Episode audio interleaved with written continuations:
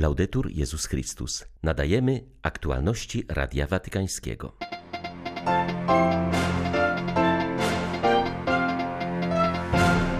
Wesele w Kanie Galilejskiej to główny motyw oficjalnego obrazu przyszłego światowego spotkania rodzin. Jego autorem jest ojciec Marko Rupnik.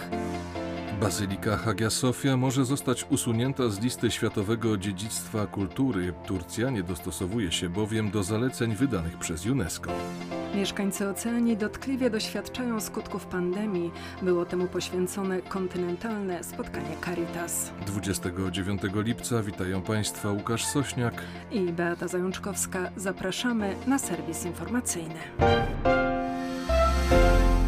Watykańska dykasteria do spraw świeckich, rodziny i życia zaprezentowała oficjalny obraz przyszłego światowego spotkania rodzin, które odbędzie się od 22 do 26 czerwca 2022 roku, zarówno w Rzymie, jak i na szczeblu lokalnym. Obraz przedstawia wesele w Kanie Galilejskiej, jest jednak utrzymany w stylu neobizantyjskim i łączy w sobie paradoksalne zestawienia. Jezus, który stoi przy Maryi trzymającej kielich, jest już przybity do krzyża. Sługa, który wlewa do kielicha wodę przemienioną w wino, posiada cechy, które w ikonografii przypisuje się świętemu Pawłowi. Tytuł obrazu jest bowiem zaczerpnięty z listu do Efezjan Tajemnica to wielka. Apostoł narodów mówi w tym liście o sakramencie małżeństwa, odnosząc go jednak do zjednoczenia Chrystusa z Kościołem. Autorem obrazu jest ojciec Marko Iwan Rupnik, słoweński jezuita i propagator sztuki neobizantyjskiej we współczesnym kościele zachodnim.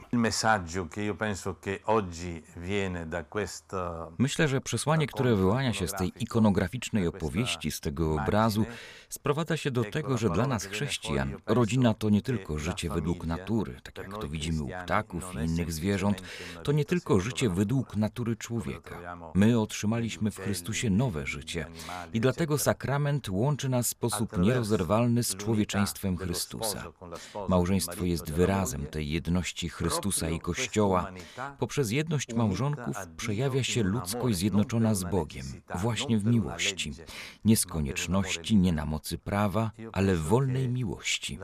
Myślę, że rodzina jako wyraz sakramentu i Kościoła ma niezgłębione horyzonty, wielkie horyzonty zjednoczenia między osobami.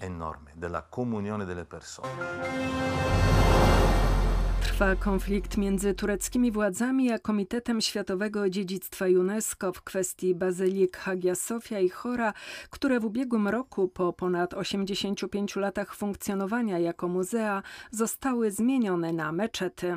Choć komitet wystąpił o zaktualizowanie statusu świątyń po dokonanych przekształceniach, Turcja nie zamierza wypełniać poleceń ONZ-owskiej instytucji. Gremium ONZ wydało oświadczenie, w którym skarży się na brak woli dialogu i jasnych komunikatów ze strony tureckiej, Stambuł zdecydowanie stoi na stanowisku, że do decydowania o budowlach posiada autonomiczne prawa. Jednocześnie w swoich komunikatach zapewnia o gruntownej trosce o historyczną, kulturową i duchową wartość tych miejsc. UNESCO liczy na poprawę stosunków z tureckimi władzami, jednocześnie wyznaczając na luty 2022 roku termin przedstawienia całości dokumentacji o obu świątyniach. Ochrona środowiska naturalnego, wsparcie dla kobiet i młodzieży oraz eliminacja skutków katastrof naturalnych to priorytety ustalone podczas zakończonego właśnie w Tonga czterodniowego forum Caritas Oceanii. Uczestnicy spotkania dostrzegli pilną konieczność inwestycji, aby poprawić gotowość lokalnych Caritas do reagowania na częste w rejonie Pacyfiku sytuacje kryzysowe spowodowane cyklonami. Jednym z najważniejszych tematów dyskusji były również skutki pandemii pandemii koronawirusa dotkliwie odczuwane przez mieszkańców wysp Oceanu Spokojnego. Ogromnym problemem jest ubożenie społeczeństw, które pogłębia się ze względu na ograniczenia w ruchu turystycznym, który jest dla nas niezwykle ważną gałęzią gospodarki, powiedział w rozmowie z Radiem Watykańskim ordynariusz Tonga kardynał Mafi. Oceany są jednymi z największych skarbów ludzkości, zależy od nich życie nas wszystkich, dlatego ich ochrona jest naszym najważniejszym priorytetem. Na terenie oceanii żyją ludy niezwykle zróżnicowane etnicznie i kulturowo. Na Caritas Oceanii składa się siedem lokalnych Caritasów. Dlatego spotykamy się jak najczęściej, aby rozmawiać o przyszłości i słuchać się nawzajem. Łączy nas świadomość wspólnej odpowiedzialności. Razem stawiamy czoła zmianom klimatycznym, skutkom pandemii oraz katastrofom naturalnym takim jak na przykład cyklony. Wspaniałym prezentem, jaki ofiarował nam ostatnio papież Franciszek, jest jego encyklika o międzyludzkim braterstwie, która została napisana jakby specjalnie dla nas. Jesteśmy wspólnotą, której bogactwo wyrasta z różnorodności.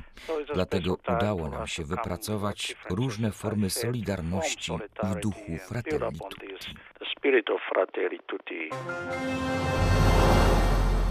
Chcemy zainspirować wspólnotę katolicką do większej troski o wspólny dom i wdrażania sprawiedliwości klimatycznej i ekologicznej. Taki cel stawiają sobie członkowie największej katolickiej organizacji klimatycznej na świecie. Powstała ona w 2015 roku na kanwie papieskiej encykliki ekologicznej i za aprobatą papieża Franciszka właśnie zmieniła nazwę na ruch Laudato Si. Ta nowa nazwa lepiej oddaje misję nawrócenia ekologicznego, która charakteryzuje nasz ruch i jest czymś więcej niż tylko walką ze zmianami klimatycznymi, mówi Radiu Watykańskiemu Tomas Insua. Jest on założycielem i dyrektorem wykonawczym ruchu Laudato Si, który zrzesza ponad 800 organizacji na całym świecie, w tym także w Polsce. Wszystkie nasze działania wypływają z encykliki Laudato Si. Właśnie jej wydanie przed sześciu laty było inspiracją do powołania naszej organizacji. Od samego początku ta encyklika stanowiła fundament wszystkich naszych działań. Organizowaliśmy m.in. tygodnie tygodnie Laudato Si i formowaliśmy animatorów Laudato Si. W temacie ekologii jest naprawdę wiele do zrobienia.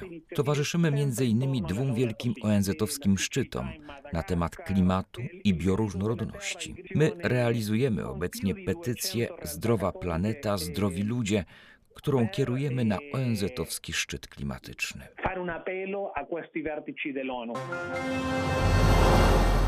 Osobiście, podobnie jak inni, postanowiłem się zaszczepić, skłoniło mnie do tego braterstwo. Niektórzy się wahają, boją się, chcą zrozumieć. Jest to w pełni uprawnione, uważa arcybiskup Pierre Dornella, odpowiedzialny we francuskim episkopacie za kwestie bioetyczne.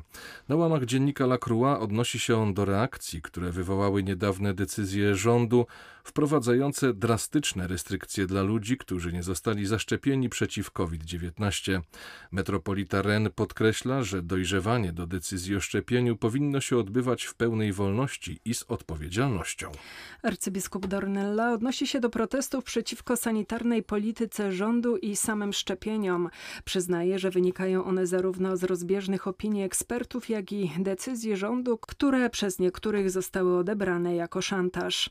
W konsekwencji jedni pośpiesznie zapisują się na szczepienia, inni protestują, bo jak twierdzą, stosuje się wobec nich przymus i dyskryminację.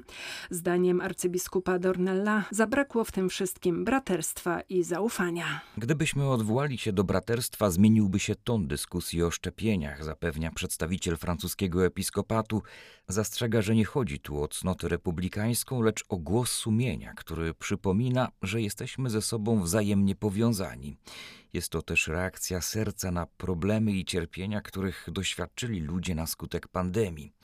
Arcybiskup Dornella przypomina też o zaufaniu, jakie powinno panować między lekarzem i pacjentem. 9 lipca Akademia Medycyny orzekła, że w tym momencie szczepienia są najskuteczniejszym sposobem na kontrolę pandemii. Jednakże, jak przyznaje francuski biskup, obawy i pytania nadal pozostają, zwłaszcza w odniesieniu do nieszkodliwości technik genetycznych wykorzystywanych przy produkcji niektórych szczepionek. Lekarze muszą wysłuchać tych obaw i odpowiedzieć na nie bez niedomówień. Zdaniem arcybiskupa Dornella, każdy może poprosić o radę swojego lekarza, który, biorąc pod uwagę konkretną sytuację i stan zdrowia, oceni, jeśli szczepienie jest w tym wypadku dobre bądź nie. Biskupi z Irlandii Północnej wyrazili sprzeciw wobec decyzji brytyjskiego rządu nakazującej liberalizację aborcji w ich kraju. Opublikowali oświadczenie, w którym wzywają wszystkich wiernych i ludzi dobrej woli do protestów przeciwko dyrektywie władz. Londyn nakazał rządowi w Belfaście wprowadzenie reformy aborcyjnej do 21 marca przyszłego roku. W oświadczeniu biskupi stwierdzili, że dyrektywa sekretarza stanu do spraw Irlandii Północnej to decyzja, która nie tylko narusza prawo do życia przysługujące każdemu człowiekowi, ale także zagraża kruchej równowadze politycznej zagwarantowanej dzięki porozumieniu wielkopiątkowemu z 1998 roku, które zakończyło 30-letnią wojnę domową. Prawo aborcyjne w Irlandii Północnej zostało zliberalizowane przez brytyjskie władze w 2019 roku. Irlandzkim konserwatystom nie udało się wówczas zablokować przepisów, które ujednolicały prawo w Ulsterze z obowiązującym w pozostałych krajach Zjednoczonego Królestwa. Przepisy pozostały jednak na papierze ze względu na pogrążoną w chaosie ulsterską administrację oraz sprzeciw niektórych ministrów. Teraz sekretarz stanu nakazał irlandzkiemu resortowi zdrowia wdrożenie rozszerzonych usług aborcyjnych w całym państwie. Odpowiadając na te słowa, biskupi podkreślili, że każdy człowiek ma niezbywalne prawo do życia, niezależnie od etapu rozwoju i kondycji zdrowotnej. To prawo, czytamy w oświadczeniu episkopatu, stoi ponad innymi prawami człowieka, stąd usług aborcyjnych nie można nazywać dostępem do opieki zdrowotnej. Asyż przygotowuje się do odpustu porcjunkuli. Decyzją miejscowego ordynariusza w tym roku przywrócona zostanie dawna tradycja zwana asyskim przebaczeniem. W kościele Matki Bożej Anielskiej jako pierwsi otrzymają je mieszkańcy Asyżu na wzór przebaczenia, jakie otrzymał święty Franciszek, a które obecnie znane jest właśnie jako odpust porcjunkuli. Arcybiskup Domenico Sorrentino podkreśla, że biedaczyna z Asyżu uczy zaczynania wszystkiego wychodząc od Ewangelii. Dla niego Kościół odradza się wówczas, gdy zanurza się w Ewangelii i ginie, gdy zaczyna od niej odchodzić, przypomina ordynariusz tego umbryjskiego miasta. Stąd właśnie zaproszenie skierowane przez ordynariusza Asyżu do mieszkańców tego miasta, by 1 sierpnia o świcie jako pierwsi zechcieli otrzymać przebaczenie asyskie.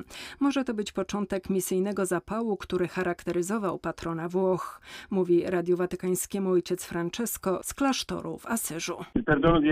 Przebaczenie asyskie jest wielkim darem, powiedziałbym wręcz super darem, który święty Franciszek zechciał zaoferować każdemu człowiekowi, w każdej epoce i każdym miejscu. Jest to powrót do domu, do utraconej relacji z Bogiem. Taki jest właśnie sens odpustu porcją kuli. Grzech niszczy tę więź, jest zazdrosny o to wszystko, co w naszym życiu jest dobre i piękne i chce nam to odebrać. A nie ma nic piękniejszego niż relacja z Bogiem i z ludźmi, których kochamy. Franciszek zrozumiał i przekazuje nam to, że każdy człowiek jest chciany przez Boga i przez Niego kochany. Odpust porcją kuli to jest właśnie odpowiedź na to wołanie Boga, gdzie jesteś i powrót do domu w objęcia Ojca, który zawsze nam towarzyszy. Przed wrześniową wizytą Franciszka na Słowacji papieskie dzieła misyjne w tym kraju zapraszają do udziału w maratonie modlitewnym w intencji Ojca Świętego i całej Słowacji, który rozpocznie się 7 sierpnia i potrwa do końca papieskiej pielgrzymki. Franciszek przybędzie na Słowację 12 września. Maraton modlitewny jest częścią duchowego przygotowania wiernych tego kraju na przyjęcie Ojca Świętego. Chętni do przyłączenia się do modlitwy codziennie będą odmawiali różaniec w intencji papieskiej wizyty. Duchowy opiekun pielgrzymki, którym jest biskup pomocniczy Bratysławy, zachęca rodaków do podjęcia przygotowań, by papieskie przesłanie było dla słowackich chrześcijan inspiracją prowadzącą do zrodzenia duchowych owoców i pogłębienia relacji z Chrystusem.